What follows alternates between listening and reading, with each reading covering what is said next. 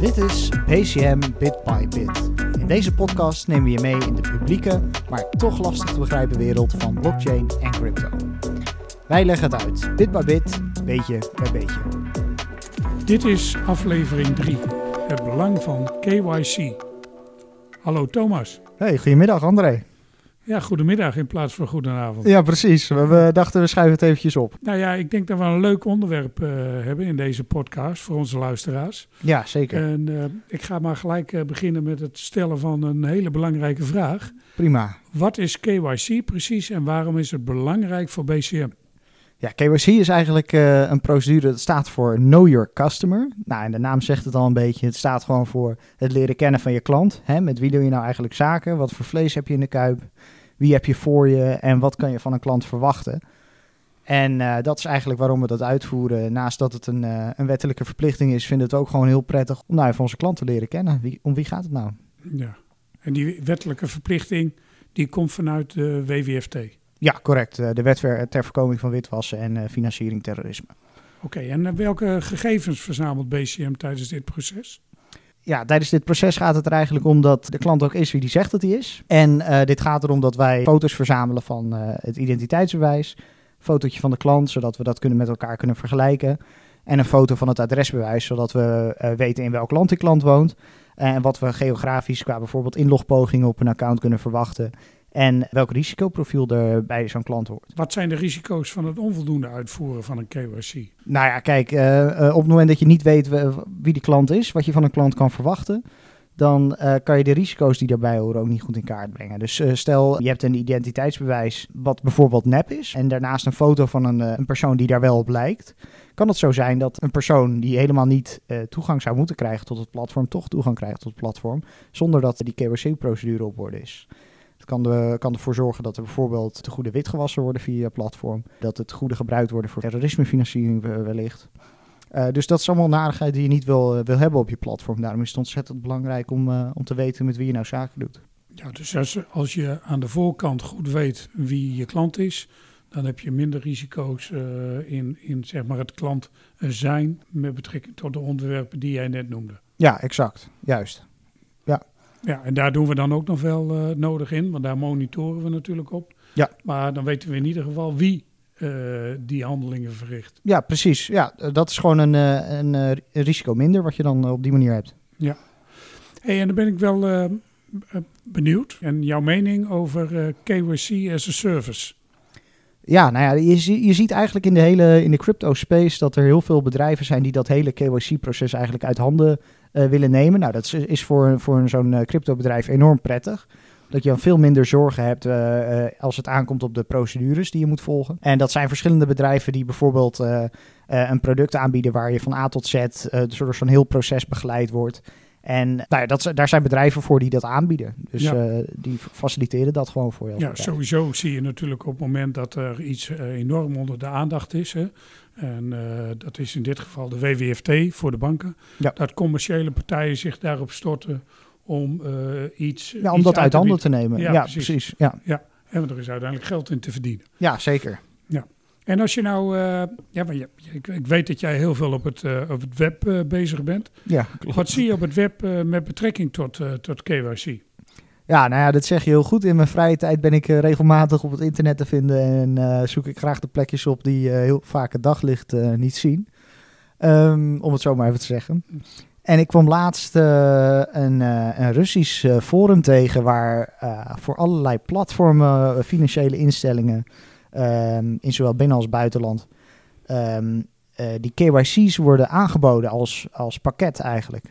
Dus voor een bepaald bedrag, meestal tussen de 100 en de 250 dollar, kan je dan bij een bepaalde financiële instelling een eh, geactiveerd en een ge-KYC'd account zo aanschaffen. Ja, dus daar worden partijen met naam en toenaam genoemd. Ja, En daar koop je dan gewoon een account die tot je beschikking eh, wordt gesteld. ja zeker. Ja, je dus krijgt als- gewoon de ik- inloggegevens toegestuurd en dan Ja. Kan je aan de slag. Dus als ik als crimineel eh, wil, wil gaan eh, witwassen of ik wil geld eh, doorsluizen, dan, dan koop ik zo'n account. Ja. En die kan ik dan ja, gewoon gebruiken. En als daar niet goed op wordt gemonitord, dan kan ik vrij mijn, mijn gang gaan. Ja, zeker. Ja, ik, ik neem aan dat je die criminele activiteiten niet graag op je eigen naam verricht. Dus daar zijn dit soort, dit soort accounts die je dan zo kan aanschaffen met eh, de verificatie al doorlopen, zijn uiterst gunstig. Ehm, dus dat is echt iets wat, eh, ja, wat een zwakte oplevert voor het platform. Ja, en dus voor de partijen die, die dit soort KYC as a service hebben afgenomen, Ja. die lopen daar eh, nog wel een enorm risico mee. Zeker. Omdat ze wel verantwoordelijk blijven voor datgene wat ze onboorden aan klanten. Ja, ja, dat is wat die, wat die platforms, die KYC as a service platforms, niet uit handen kunnen nemen. Ehm, die verantwoordelijkheid blijft bij het bedrijf. eh, en niet bij de, het bedrijf die die KYC-procedure ook daadwerkelijk aanbiedt. Ja, dus dat is een eh, enorm risico wat je loopt op het moment dat je daar niet goed op monitort, wat je al zei. En eh, nu zeker met die oorlog die gaande is in, in Oekraïne, ehm, is het heel erg belangrijk dat die sanctiewetgeving goed wordt nageleefd. En dat is lastig om in de gaten te houden op het moment dat er mensen handelen via accounts ehm, die helemaal niet van hen zijn eigenlijk. Ja. Ja. Ja, dat is, dat is zorgelijk. En ehm, eh, ja, dat, eh, ik, vond, ik vond het ook echt eh, schokkend om te zien toen je me het liet zien. Ja, Hè, er komen echt ge- nou, partijen op voor, neobanken en allerlei crypto-exchanges, waar je dan kennelijk gewoon een account van kunt kopen. ja zeker. Ja, ik had, ik had voor de grap een paar van die verkopers een berichtje gestuurd. Via Telegram gaat het dan allemaal. En eh, die, die geven gewoon aan, nou voor een x-bedrag eh, kan ik jou van zo'n account voorzien. Ja. Geen enkel probleem. Je hebt hem binnen een paar minuutjes. Nou ja, ook, positief om te constateren dat wij als BCM daar niet op die lijst voorkwamen. Ja, zeker. En ik, eh, ik denk ook dat wij ons, onze KYC goed hebben ingericht. Wij hebben het zelf gedaan. Wij nemen het niet af als, als een service. ja, klopt.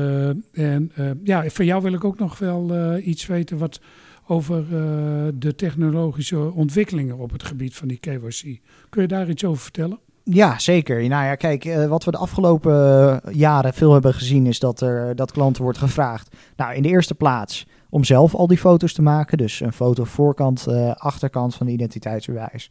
Een selfie met misschien een briefje erbij, een adresbewijs, een foto van het document.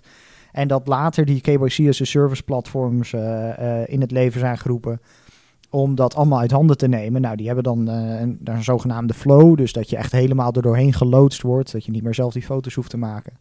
Ehm, en, en wat wij nu hebben gedaan is eigenlijk eh, eh, het een, een- stap verder pakken. Dus wat wij hebben gedaan is een zogenaamde NFC-chip die in je identiteitsbewijs zit, lezen wij uit tijdens die onboarding flow. En door een bepaalde algoritmische berekeningen wordt dan gecheckt of het identiteitsbewijs echt is of niet. En daarmee kunnen we die foto's die op het identiteitsbewijs staan, kunnen we vergelijken met eh, eh, de, de, de selfie die je maakt tijdens dat, eh, dat proces. En dat heet dan de liveness check. Dat wordt dan automatisch door algoritmes bepaald. En nog steeds dat adresbewijs die wij ook opvragen.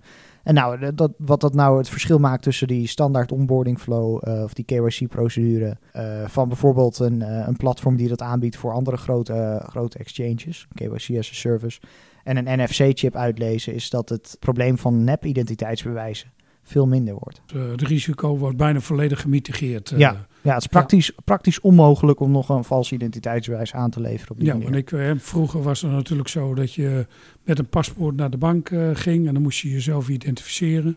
En dan keek de medewerker van de bank je natuurlijk aan. Hè, ja. Of het hoofd wel paste bij eh, eh, het paspoort. ja, precies. En eh, nu is dat eigenlijk volledig geautomatiseerd.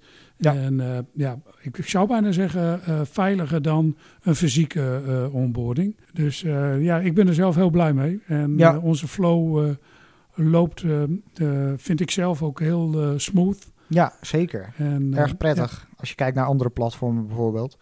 En ehm, daarnaast, ja, het, eh, je gaat gewoon met de tijd mee. Want eh, het, het- de tijd van het langsgaan bij een eh, financiële instelling is al lang, al lang niet meer. Stel je voor dat alle klanten bij ons toch op kantoor langs moeten komen. ja dat, voor, dat is natuurlijk wel een dingetje. Maar Ja, ja, zo precies. ging het vroeger wel natuurlijk. Ja. ja. Ehm, nou ja, ik denk dat we eh, genoeg gezegd hebben over de KYC en de KYC bij BCM en KYC as a service. Ja, de hele procedure hebben we een beetje ontleed zo eigenlijk. Ja, en ook uh, nou, dat, dat, dat er wel bijzondere dingen gaande zijn in de wereld van de KYC. Uh, ja, zeker. Hè? Ja, het, het was, ja, ik had eigenlijk niet verwacht dat je zo snel al gewoon zo'n volledig pakket kan vinden van geverifieerde accounts bij zoveel financiële instellingen. Ja. Dat was eigenlijk best wel een schokkende ontdekking. Ja, ik hoop uh, dat de autoriteiten dat uh, eerdaags uh, gaan, gaan oppakken. Want, ja. ja, het is wel zorgwekkend. Ja, precies. Oké, okay. nou, dankjewel weer Thomas voor deze podcast en je bijdrage daaraan. Ja. En de luisteraars, bedankt voor het luisteren en tot de volgende keer. Ja, tot volgende week. Ja, vergeet je niet te abonneren via je favoriete podcast app. Zo blijf je op de hoogte en krijg je automatische melding als wij een nieuwe aflevering publiceren. En zo houden wij uh, je op de hoogte van wat er allemaal uh, op de markt speelt. Beetje bij beetje, bit bij bit.